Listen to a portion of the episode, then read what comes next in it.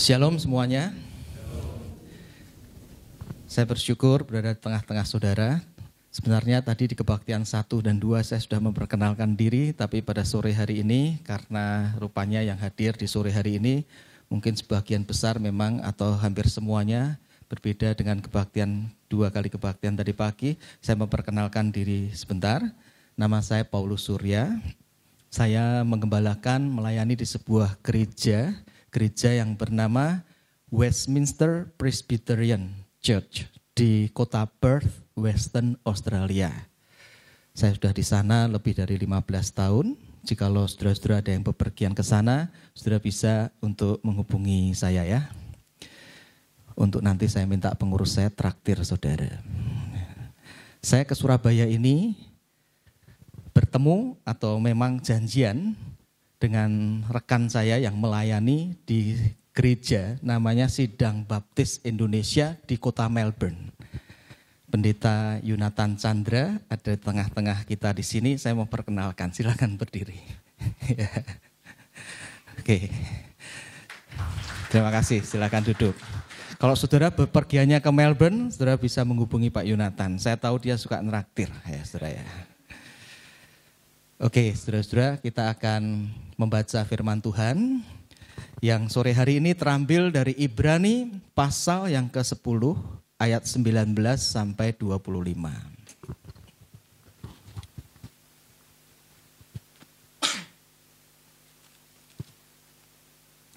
Ibrani pasal yang ke-10 ayat yang ke-19 sampai 25. Sebenarnya di dalam warta gereja saudara tertulis ayat 24 sama 25 saja, tetapi saya akan mengkhotbahkannya dari ayat 19. Ibrani 10 ayat 19 sampai 25 dengan firman Tuhan. Jadi saudara-saudara, oleh darah Yesus kita sekarang penuh keberanian dapat masuk ke dalam tempat kudus karena ia telah membuka jalan yang baru dan yang hidup bagi kita melalui tabir, yaitu dirinya sendiri. Dan kita mempunyai seorang imam besar sebagai kepala rumah Allah. Karena itu marilah kita menghadap Allah dengan hati yang tulus ikhlas dan keyakinan iman yang teguh oleh karena hati kita telah dibersihkan dari hati nurani yang jahat dan tubuh kita telah dibasuh dengan air yang murni. Marilah kita teguh berpegang pada pengakuan tentang pengharapan kita, sebab Ia yang menjanjikannya setia. Dan marilah kita saling memperhatikan supaya kita saling mendorong dalam kasih dan dalam pekerjaan baik. Janganlah kita menjauhkan diri dari pertemuan-pertemuan ibadah kita seperti dibiasakan oleh beberapa orang. Tetapi marilah kita saling menasihati dan semakin giat melakukannya menjelang hari Tuhan yang mendekat.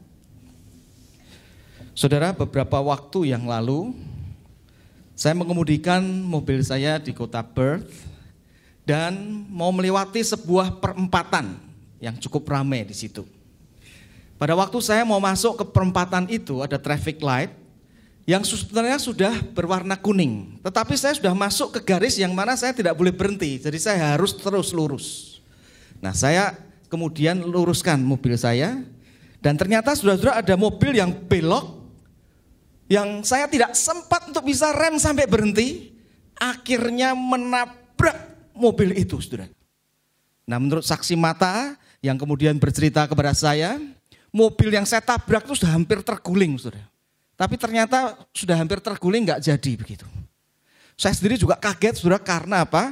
Karena airbag mobil saya itu sampai keluar. Kacamata saya sampai terlepas. Saya cari kacamata saya, kemudian saya keluar, yang mengagetkan saya orang yang saya tabrak itu seorang uh, bule tinggi besar, orang berkulit putih, laki-laki tegap tinggi besar yang marah-marah kepada saya, saudara. Rupanya dia baru makan McDonald, Big Mac gitu ya. Mungkin baru gigit sedikit, langsung saya tabrak begitu. Jadi dia ambil Big Mac-nya, lalu dilemparkan ke saya, saudara. Untung saya lumayan kesit, saudara. Saya hindari itu, saya nggak kena. Tapi dia tetap marah-marah dan kemudian mendekati saya. Saya pikir celaka ini. Masa saya mau berantem nih, pendeta berantem di tengah-tengah perempatan jalan lagi. Jadi saya pikir mau berantem pun juga pasti saya kalah nih karena tinggi besar gitu ya. Dia marah-marah, saya cuma diam begitu dia deketi saya. Saya nggak tahu saya harus berbuat apa. Lagi dia deket marah-marah deketi saya saudara. Tiba-tiba apa yang terjadi? Tiba-tiba ada tiga orang pemuda yang datang ke situ langsung berteriak begini, stop! He is my priest. He is my pastor. Stop. Wih ternyata jemaat saya sendiri ada di situ saudara ya. Ini ada orang bule satu bersama tiga dua temannya yang juga besar-besar langsung menyetop sehingga orang bule yang tinggi besar itu justru sekarang gantian takut dia. Jadi saudara-saudara rupanya Tuhan mengirimkan malaikat untuk menolong saya. Sampai kemudian saya pulang, saya ceritakan ke istri saya kejadian itu. Lalu istri saya ngomong begini, eh kamu harus melakukan sesuatu. Memberi sesuatu untuk berterima kasih. Saya kemudian jawab ke istri saya, dengan senang hati saya akan lakukan apa yang kau katakan karena memang saya mau berterima kasih kepadanya karena dia sudah menolong saya. Waktu itu dekat Desember, saya belikan bingkisan Natal, saya kirim ke rumahnya. Saudara saya meresponi pertolongan daripada orang itu dengan melakukan sesuatu untuk berterima kasih. Nah, saudara prinsip seperti ini sebenarnya sedang diajarkan oleh penulis Ibrani di dalam Ibrani 10 ayat 19 sampai 25. Sebenarnya penulis Ibrani di dalam ayat 19 sampai 21 dia sedang mengajarkan bahwa Yesus sudah menyelamatkan kita dengan darahnya. Bahkan ada istilah di situ darah tirai imam besar. Yesus menyelamatkan kita, Yesus sang imam besar itu. Maka mari kita meresponi dengan benar dan respon itu tercatat di dalam ayat 22 sampai 25. Saudara-saudara, perhatikan istilah-istilah di dalam ayat 19 sampai 21 yaitu darah tirai imam besar. Darah tirai imam besar sebenarnya tiga hal yang ada di dalam upacara-upacara kudus yang dilakukan oleh orang-orang Yahudi di Bait Allah.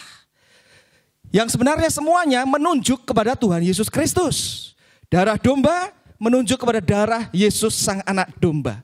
Tirai yang memisahkan antara ruang maha kudus dengan ruangan-ruangan lain itu pun juga sebenarnya adalah gambaran daripada Yesus yang membuka jalan untuk kita bisa bersekutu dengan Allah. Imam besar yang mempersembahkan korban bakaran kepada Allah mewakili umatnya, sebenarnya adalah gambaran daripada sang imam besar sejati, Yesus Kristus yang adalah penyelamat kita, membawa persembahan yang berkenan kepada Allah, membawa kita diselamatkan, diperkenan oleh Allah. Saudara saya bayangkan, kalau para orang Kristen penerima surat Ibrani yang hidup pada zaman itu, hidup bertetangga dengan orang-orang yang enggak Kristen nih. Itu membingungkan orang-orang pada waktu itu. Kenapa membingungkan? Karena kalau orang tanya nih, kamu orang-orang Kristen, tempel bait Allahmu mana?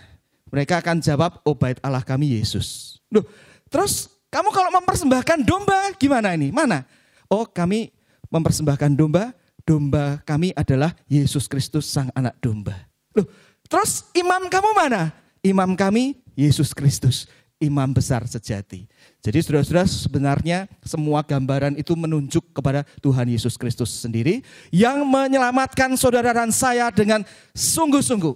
Nah keselamatan itu penulis Ibrani mengatakan marilah, marilah, marilah tiga kali menyebutkan untuk kita meresponi dengan benar saudara. Di dalam ayat 22 ada kata marilah untuk respon kepada Allah. Ayat 23, marilah. Ayat 22, 23, dua kali marilah itu untuk kita meresponi secara vertikal kepada Tuhan keselamatan di dalam Kristus itu. Sedangkan ayat 24 kata marilah untuk meresponi akan keselamatan di dalam Kristus aspek yang horizontal yaitu relasi dengan sesama. Ada lagi sebetulnya di dalam bahasa Indonesia ayat 25 kata marilah juga tetapi sebetulnya di dalam bahasa aslinya tidak ada. Nah, Saudara, bagian ini intinya sebetulnya Ibrani 10, 19 sampai 25 kalau mau dikalimatkan dalam satu kalimat yaitu karena Yesus sang imam besar sejati telah menyelamatkan saudara dan saya yang percaya kepadanya dengan darahnya maka saudara dan saya yang percaya kepadanya dipanggil untuk dengan sukacita meresponinya.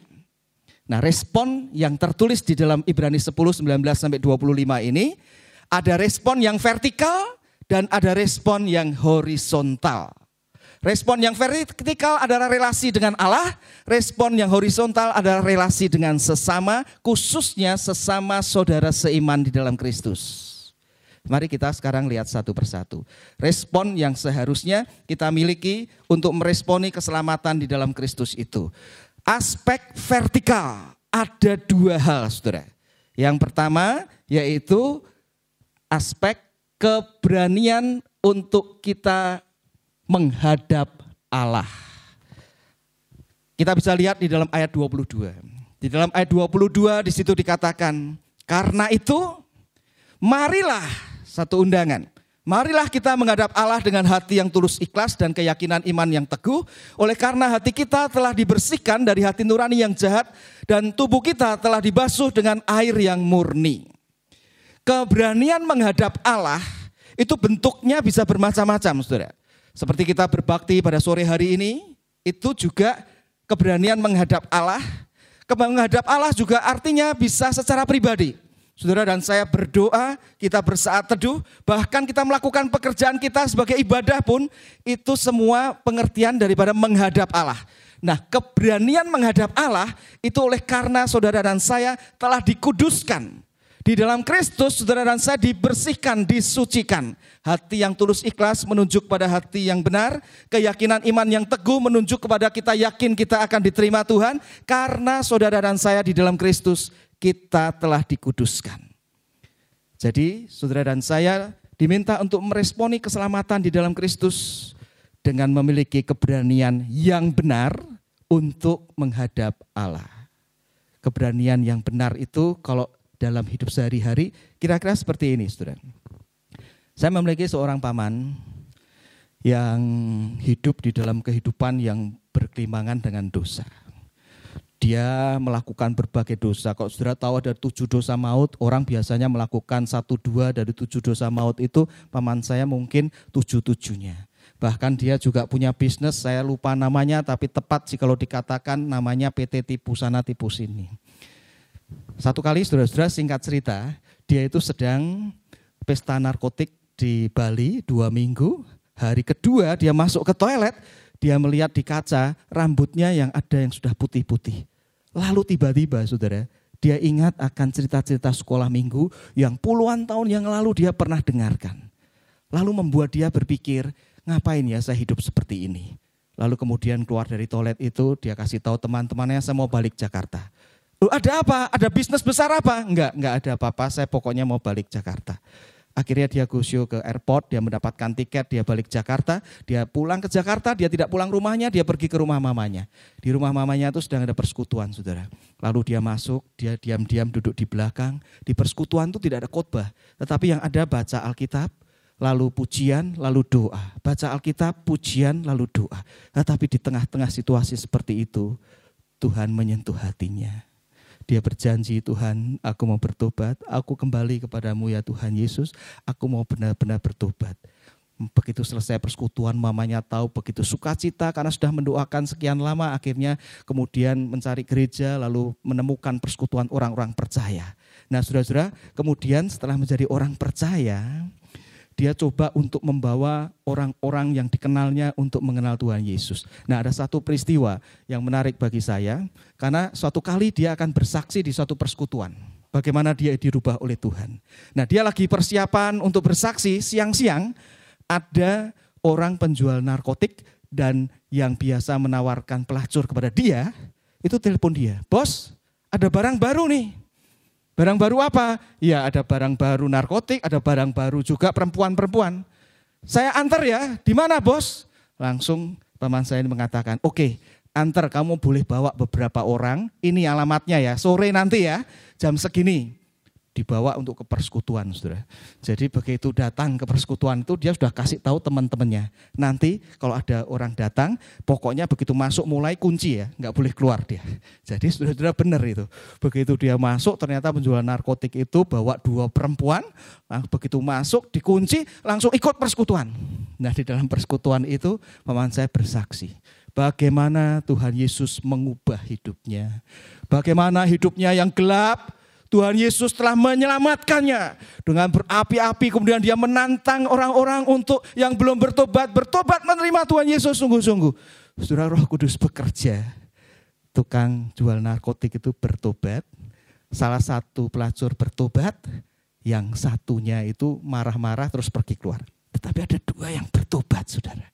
Dan dari yang bertobat itu kemudian berkata, dulu saya itu takut menghadap Tuhan. Karena dosa-dosaku. Sekarang meskipun aku masih ingat semua dosa-dosaku, tetapi aku berani menghadap Tuhan. Karena darah Yesus yang sudah menyucikan aku daripada dosa. Saudara, betapa gelap seperti apa pun dosa kita, kalau kita sudah bertobat dan percaya kepada Tuhan Yesus Kristus, maka kita bisa dengan penuh keberanian menghadap Tuhan. Saudara dan saya mungkin tidak memiliki latar belakang gelap seperti paman saya atau seorang penjual narkotik atau pelacur atau orang-orang yang berbuat dosa lainnya. Tetapi tatkala kita itu menghadap Tuhan, baik di dalam kebaktian seperti ini ataupun secara pribadi, kita juga tetap harus dengan berani dengan bersandar pada darah Yesus. Kita tidak bisa bersandar kepada perbuatan baik kita, pengalaman-pengalaman pelayanan kita, tetapi yang dimaksud dengan penuh keberanian adalah berdasarkan Injil Kristus, darah Kristus yang telah menebus saudara dan saya yang percaya kepadanya. Martin Luther pernah mengatakan kalimat seperti ini. We need to hear the gospel every day because we forget it every day. Saudara dan saya perlu untuk diingatkan terus dengan Injil Kristus.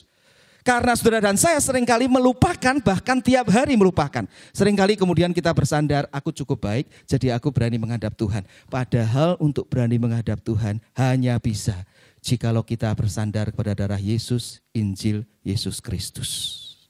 Saudara dan saya, jikalau kita benar-benar mengalami keselamatan di dalam Kristus, maka respon yang benar yang pertama dalam unsur vertikal hubungan dengan Tuhan, mari kita menghadap Dia berdasarkan Injil Kristus dengan keberanian.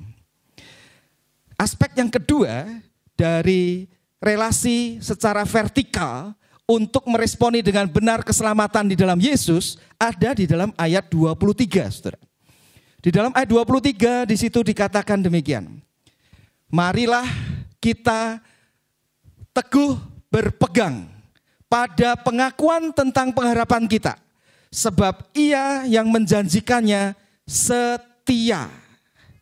Saudara, respon yang benar terhadap keselamatan di dalam Kristus. Aspek yang kedua adalah memegang teguh kebenaran firman Tuhan. Penulis Ibrani mengatakan marilah kita teguh berpegang, present tense, terus menerus teguh berpegang. Kenapa saudara ini perlu ditekankan? Karena jemaat menerima surat Ibrani sedang hidup di dalam tekanan, bahkan aniaya, bahkan ada ajaran sesat Yudaism yang mau meracuni mereka. Sehingga penulis Ibrani perlu mengingatkan, meskipun ada tekanan, meskipun ada penderitaan karena aniaya, meskipun ada serangan ajaran sesat, mari terus teguh berpegang kepada kebenaran. Oh saudara-saudara ini penting ya. Karena pada kenyataannya sering kali orang itu karena tekanan, karena kesulitan, karena penderitaan, tidak lagi hidup berpegang kepada kebenaran firman Tuhan atau setia kepada Tuhan yang sudah terlebih dahulu setia kepada kita. Di dalam lingkungan orang-orang penerima surat Ibrani, kita bisa melihat misalnya di dalam pasal 6. Di situ ada orang-orang yang sudah ada di lingkungan orang Kristen. Tetapi karena tekanan-tekanan hidup murtad lagi. Artinya tidak sungguh-sungguh memang pernah menjadi orang Kristen, hanya tertarik tetapi karena ada tekanan kemudian pergi. Kenapa di surat Ibrani Yesus keimamannya perlu ditekankan? Karena banyak penerima surat Ibrani yang tidak menerima keimaman Kristus. Karena Kristus bukan keturunan Harun. Bagaimana dia bisa menjadi imam besar? Lalu penulis surat Ibrani menekankan, Kristus adalah imam besar sejati berdasarkan pengakuan atau peraturan Melkisedek. Jadi saudara-saudara intinya untuk meresponi akan keselamatan di dalam Kristus, aspek yang kedua adalah Mari kita tetap setia kepada Tuhan di tengah-tengah tantangan dan penderitaan yang ada. Saudara, satu kali tatkala saya berkhotbah di gereja tempat saya melayani, yaitu di Kota Perth, saya itu kalau khotbah kan sambil lihat jemaat nih saudara ya. Seperti tadi saya juga berkhotbah lihat saudara. Saya jemaat yang saya lain di sana sekitar 200 orang. Kalau saya berkhotbah saya tahu nih orang yang baru datang siapa. Ya, dan satu kali tatkala saya berkhotbah, saya tahu oh ada orang baru gitu. Kalau di sini kayaknya biarpun nggak sampai 200 tapi baru semua nih bagi saya ya. Nah pada waktu saya berkhotbah saya tahu ada orang baru, seorang bapak duduk di belakang. Saya sudah tunggu ini. Selesai kebaktian, waktu salaman saya akan ajak bicara dia. Dan betul saudara pada waktu salaman saya bersalaman dengan bapak itu. Lalu saya bilang begini, Pak baru pertama kali datang ya. Iya betul, jangan pulang dulu ya Pak. Nanti selesai saya bersalam-salaman ini kita bicara sebentar. Akhirnya selesai bersalaman, sudah saya kemudian datangi bapak itu. Waktu saya ngomong-ngomong, saya tanya dia, Pak, bapak ini pergi ke Perth itu karena liburan atau karena mau pindah? Lalu bapak itu mengatakan, iya, saya memang mau pindah di Perth ini. Oh kalau begitu boleh ya Pak, saya minta uh, alamat rumah dan nomor handphone. Nanti saya akan datangi kita bincang-bincang. Lalu dia berikan, saudara. Singkat cerita, beberapa hari kemudian saya datangi bapak itu, kemudian berbincang-bincang. Waktu berbincang-bincang, saudara, saya tahu ternyata bapak itu, itu dari Jakarta dan dulunya dia itu pelayan Tuhan di satu gereja yang begitu aktif. Bukan hanya di paduan suara, tapi di kelompok kecil. Lalu kemudian dia pernah jadi majelis, saudara. Nah karena tahu latar belakang pelayanan seperti itu, saya bilang begini pada bapak itu, Pak, kalau begitu nanti nih ya, Bapak kan di sini juga di kota Perth ini ada gereja Indonesia banyak nih. Nanti kalau Bapak akhirnya memilih untuk bergereja di tempat saya melayani, nanti Bapak ikut pelayanan ya. Bahkan saya bilang, kalau Bapak nanti sudah mulai ikut pelayanan, lalu nanti bisa jadi pengurus juga. Sehingga kita bisa sama-sama melayani. Saudara waktu saya ngomong begitu, Bapak itu menjawab jawaban yang mengagetkan saya. Karena dia ngomong begini, Pak Paulus, saya ini ya, kalau mau makan enak, saya lebih baik di restoran itu nggak lihat dapurnya. Loh, padahal saya ngomongin gereja nih, kok dia ngomongin restoran? Lalu saya tanya, Pak maksudnya apa Pak? Begini Pak Paulus ya, saya kalau pergi ke restoran, lalu saya pesen misalnya nasi goreng nih. Saya nggak mau ke dapurnya lihat orang kokinya itu masak. Karena kalau saya lihat nanti, lalu kokinya itu lagi masak, bersin lupa ke samping masuk ke nasi gorengnya. Saya nanti malah nggak bisa makan enak ya. Atau keringetan keringetnya masuk begitu dimasak gitu, nanti saya nggak bisa makan enak. Lebih baik kalau saya itu pesan misalnya nasi goreng, saya nggak mau tahu kokinya masaknya gimana. Mau bersinnya masuk, mau keringetnya masuk, pokoknya keluar saya bisa enak menikmati. Jadi Pak, saya bilang, Iya, jadi saya juga kalau di gereja supaya bisa menikmati menjadi orang Kristen, saya lebih baik nggak ikut pelayanan apa-apa ya. Kenapa Pak? Ya karena nanti kalau saya ikut, saya tahu dapurnya gereja. Nah apalagi kalau saya jadi pengurus, nanti saya tahu, oh ternyata ada pengurus hidupnya juga yang nggak baik. Oh ternyata ada pengurus yang ternyata kemudian berselisih. Saya ter melihat ternyata ada pengurus yang karena kehidupannya banyak tekanan lalu hidupnya juga nggak karuan nanti saya malah enggak bisa menikmati. Waduh saudara, dia dengan ngomong begitu, saya waktu itu bingung juga mau ngomong apa. Kalau saudara jadi saya, saudara ngomong apa?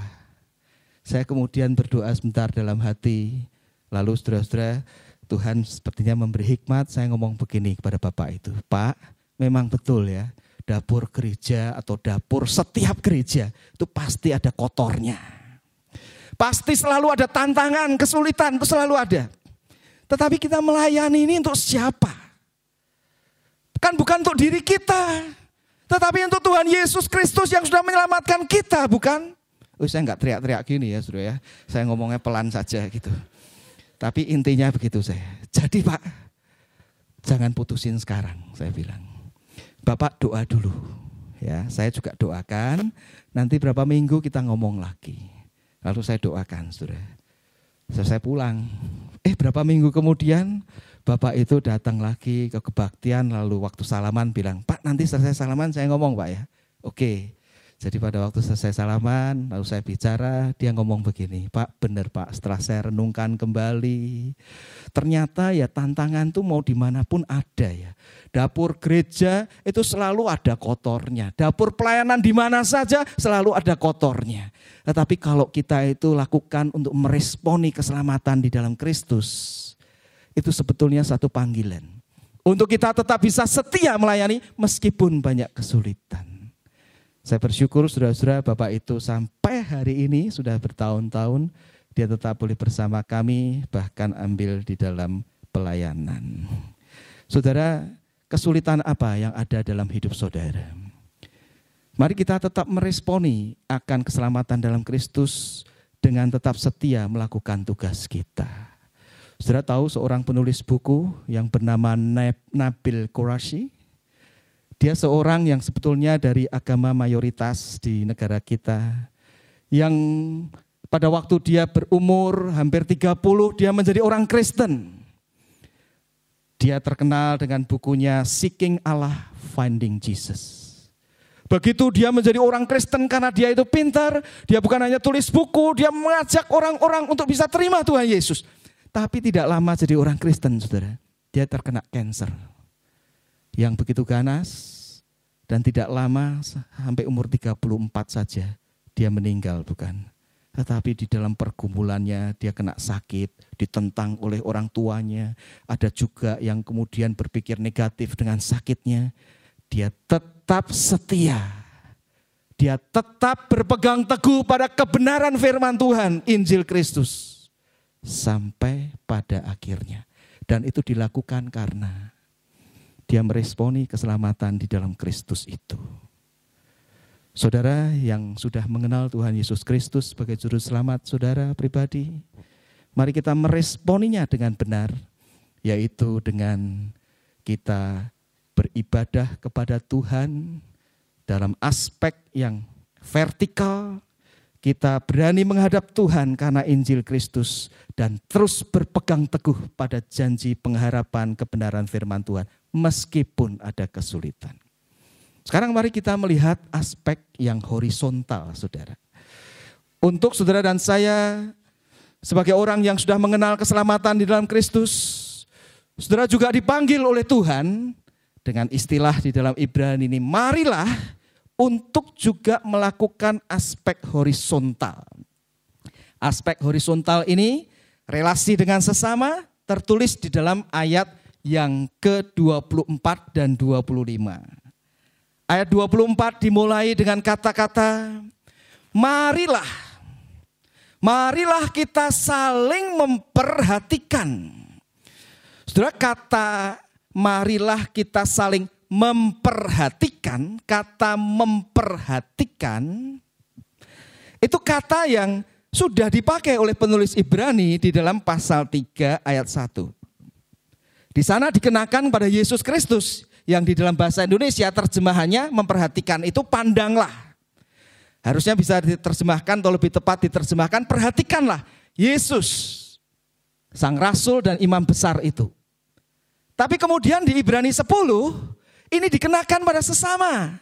Jadi rupanya saudara-saudara, Tuhan mengendaki kita untuk memperhatikan bukan hanya aspek vertikal hubungan kita menyembah Tuhan, menyembah Yesus, tapi juga memperhatikan dalam persekutuan antar saudara seiman. Dan itu menjadi tema setahun ini 2019 di gereja di sini bukan? Membina persekutuan di antara saudara-saudara seiman. Nah, saudara-saudara, kemudian tujuannya apa? Nah, tujuannya apa? Ayat 24 itu menuliskan lebih lanjut supaya Saudara dan saya diminta untuk memperhatikan sesama sebagai respon terhadap keselamatan dalam Kristus. Tujuannya apa? Tujuannya adalah supaya kita saling mendorong dalam kasih dan pekerjaan baik. Saudara, kata saling mendorong itu bukan hanya asal mendorong, bukan. Tapi pengertiannya adalah upaya yang disengaja dan sungguh-sungguh. Kalau perlu terplanning, tersistematis. Supaya kita ini bisa saling mendorong, saling menguatkan. Dan kemudian di dalam ayat 25, dikatakan caranya bagaimana? Caranya ada dua hal di dalam ayat 25 itu. Yaitu tidak menjauhkan diri dari pertemuan ibadah. Makanya saudara-saudara saya membaca akan warta gereja tulisan dari Pak Yakub Tri di warta gereja itu rupanya dia mengingatkan bahwa ibadah melalui YouTube atau televisi itu tidak boleh menggantikan pertemuan ibadah tiap minggu seperti ini. Kenapa?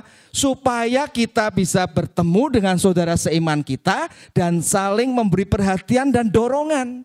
Kalau saudara ibadah kita melalui YouTube, melalui televisi, itu hanya boleh untuk tambahan saudara. Karena dengan cara itu kita tidak bisa saling memperhatikan dan saling mendorong. Dan kemudian bukan hanya caranya jangan menjauhkan diri dari pertemuan ibadah, tetapi juga mari saling menasehati. Saling menasehati menjelang hari Tuhan yang mendekat. Lakukanlah dengan giat karena waktunya itu singkat. Saudara perhatikan di dalam ayat 24 dan 25 ini ada tiga kali kata saling. Saling memperhatikan, saling mendorong, saling menasihati. Nah saudara, di dalam saling mendorong, memperhatikan dan menasihati itu bentuknya bisa macam-macam kan. Tapi sedikitnya itu bentuknya adalah kita bisa memberi encouragement, memberi kekuatan. Tapi bentuknya juga bisa menasehati itu memberi teguran, saudara. Saudara lebih mudah mana kita? Memberi dorongan atau menegur? Lebih mudah mana kita menerima encouragement atau teguran? Mana yang lebih mudah? Menerima encouragement ya. Kalau menerima teguran lebih susah gitu ya. Saudara, berapa waktu yang lalu saya membaca satu kisah tentang seorang pria di Amerika yang setelah ikut party satu pesta, dia itu dalam keadaan cukup mabuk, dia pulang rumah entah bagaimana naik taksi, dia sampai ke rumah dia masih bisa buka rumahnya tapi dia lupa kunci, lalu dia langsung tertidur di sofa. Dia tinggal sendirian hanya dengan anjingnya yang setia. Lagi dia tidur malam itu saudara, ada dua bayangan itu mau masuk ke rumahnya dan ada dua bayangan itu dua pencuri. Anjingnya tahu hal itu, dia gonggong, lalu kemudian dia bangunkan tuannya. Rupanya pencuri itu tidak takut gonggongan anjing. Mungkin anjing itu akan dibunuh, jadi tetap mau masuk. Maka anjing itu segera menggonggong terus kepada tuannya. Tuannya itu justru terbangun sebentar, langsung memukul anjing itu supaya pergi. Tapi anjing itu menggonggong lagi, menyeret, mengingatkan pada tuannya. Akhirnya itu yang kemudian sudah setengah sadar, dia ambil di laci suatu barang yang diambil apa saudara? Dia ambil pistol. Di Amerika orang-orang bisa punya pistol. Dia ambil pistol itu, lalu dalam keadaan setengah sadar itu dia tembakkan pistol itu. Tapi dia bukan tembakan ke pencuri, dia tembakkan ke anjingnya sendiri. Karena anjing itu mengganggu dia. Padahal anjing itu mengingatkan, menegur, memberi alam kepada Tuhan ini. Saudara cerita itu hanya mengingatkan saya bahwa sering kali di dalam komunitas orang-orang percaya kita bisa menerima teguran, kita bisa menerima akan nasihat yang keras. Seringkali kita tidak peka, kita justru ingin menyingkirkan semua itu dan bukan untuk introspeksi. Saling memperhatikan, saling mendorong, saling menasehati. Meskipun tidak mudah, saudara dan saya dipanggil untuk melakukannya sebagai respon terhadap keselamatan di dalam Kristus yang sudah diberikan kepada saudara dan saya yang telah percaya kepada Kristus. Saudara di kota Phoenix di Arizona, Amerika. Beberapa tahun yang lampau sering diadakan KKR di kota itu. Nah yang unik KKR itu tidak diadakan di gedung-gedung gereja, tetapi gereja yang mengadakan KKR membuat suatu tenda besar di alun-alun, lalu setiap malam mengadakan KKR. KKR itu bukan cuma dilakukan satu malam, dua malam, tapi berhari-hari sampai seminggu, kadang-kadang dua minggu, saudara. Nah suatu kali pada waktu mulai dipasang tenda dan KKR itu mau dilaksanakan, gereja itu mengutus beberapa pemudanya di dalam grup-grup untuk menyebarkan selebaran, memanggil orang-orang untuk ikut KKR itu masyarakat di kota itu. Nah ada sekelompok anak muda yang dapat tugas itu, tiga empat orang, mereka berkata satu sama lain begini, enaknya kita bagikan di mana ya? Lalu salah seorang mengatakan, kita cari yuk di kota ini toko yang rame sekali. Lalu kita nanti berdiri di depannya, kita bagikan kepada orang-orang yang pergi ke toko itu. Lalu yang satu mengatakan, saya tahu ada toko yang rame laris sekali di kota ini. Oke, kalau gitu ke sana. Toko apa saudara? Toko namanya adult shop. Di Amerika, di Australia, adult shop itu toko yang menjual pornografi, hal-hal yang berhubungan dengan pornografi. Laris saudara. Mereka berdiri beberapa meter dari toko itu, tunggu orang-orang yang mau masuk ke toko itu, kebanyakan laki-laki, saudara. Jadi pada waktu orang itu mau masuk ke situ dikasih selebaran. Waktu seorang yang mau masuk ke toko dark shop itu dapat selebaran itu, Hah? ini tentang KKR Harohani, lalu malu masuk ke situ, nggak jadi masuk gitu ya. Jadi terus dibagikan, terus dibagikan. Ada juga orang perempuan dibagikan. Banyak orang yang nggak jadi masuk ke situ, lalu mengurungkan niatnya dan malamnya datang ke KKR. Lalu mulai ada satu persatu yang dimenangkan. Gereja yang mengadakan KKR senang saudara. Tetapi pemilik adult shop itu jengkel sekali. Lalu pikir punya pikir siapa yang membuat toko saya sepi ya? Ternyata ini pasti KKR di tengah kota ini. Akhirnya pemilik adult shop itu menyewa pembunuh bayaran. Saudara. Hanya satu perintahnya. Kamu datang ke KKR di tengah alun-alun kota ini. Nanti dekati pengkhotbahnya, tembak, terus kamu pergi. Dibayar sejumlah uang. Pembunuh bayaran itu mengatakan oke, okay, karena memang mendapatkan bayaran. Jadi saudara-saudara pembunuh bayaran itu sudah siap bawa pistol, lalu dia ikut di KKR itu sore-sore datang agak pagian, dia menunggu melihat mana pembicara atau pengkhotbahnya, nanti dia akan dekati, dia akan tembak, lalu dia akan pergi. Tapi rupanya saudara sore waktu dia datang, pengkhotbahnya nggak datang-datang. Karena apa saudara? Sore itu pengkhotbahnya sakit perut. Jadi dia nggak datang-datang. Lalu dia telepon panitianya saya sakit perut, malam ini saya datang telat, tapi saya pasti datang. Nyanyi yang panjang ya. Kalau perlu ada kesaksian segala, saya pasti datang.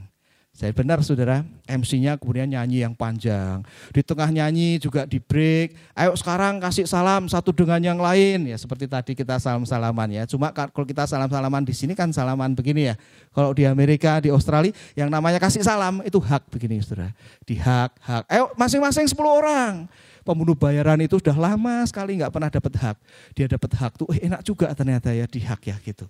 Terus saya saling hak, ada pujian lagi. Lalu ada ada yang bersaksi saudara. Nah yang bersaksi malam itu heran, seorang bekas pembunuh yang bertobat. Nah, jadi dia bercerita, dulu saya hidupnya nggak karuan, bahkan saya juga berhubungan dengan narkotika. Akhirnya saya bertemu dengan Kristus, hidup saya diubah. Pembunuh bayaran itu pikir, kok bisa ya? Kok bisa ya? Lagi dia itu pikir begitu, eh tahu-tahu pengkhotbah itu sudah di depan saudara. Ya nggak bisa nembak kalau gitu ya. Nanti aja kok gitu, selesainya saya nanti akan dekati, saya akan tembak. Jadi dia di situ duduk dengerin khotbah saudara. Ternyata pengkhotbah itu berkhotbah dengan begitu menarik. Dengan contoh-contoh kehidupan, lalu ditutup dengan Barang siapa yang mau percaya kepada Tuhan Yesus, bertobat dari dosa-dosanya, akan diselamatkan, akan mendapatkan hidup yang baru malam itu Roh Kudus bekerja. Pembunuh bayaran itu tersentuh hatinya, saudara. Lalu pada waktu pembicara itu mengadakan calling, siapa yang sungguh-sungguh mau menerima Tuhan Yesus, saya akan doakan maju ke depan. Eh orang-orang banyak yang maju, saudara. Termasuk pembunuh bayaran itu dia tersentuh, dia ikut maju. Nah, konselor-konselor itu sudah disiapkan. Jadi yang maju langsung didekati dengan konselor-konselor begitu. Nah ini pembunuh bayaran maju sambil dia itu menangis, dia itu bergumam ngomong sendiri, tetapi didengar oleh konselor-konselor itu. Dia ngomongnya begini, I can't do it, I can't do it. Aku gak bisa lakukan untuk nembak itu loh ya. Tapi konselor itu mengatakan, you can do it. In Jesus you can do it gitu ya. Jesus will help you gitu. Tuhan akan tolong kamu, kamu bisa pasti. Padahal dia itu mau nembak itu loh saudara. Malah dibilang begitu. Akhirnya dia berkata, kita bisa bicara sebentar. Lalu dia itu kemudian ungkapkan akan rencananya dan Tuhan ubah dia. Dan sudah tahu, dia kemudian menjadi Kristen sejati. Dan salah satu pelayanannya adalah dia membawa orang-orang yang hidupnya nggak karuan. Hanya dengan satu kalimat, Tuhan Yesus bisa mengubah aku orang yang rusak. Tuhan Yesus juga bisa menolong kamu. Ayo datang kepada Kristus. Dia memperhatikan orang-orang sesama juga seimannya.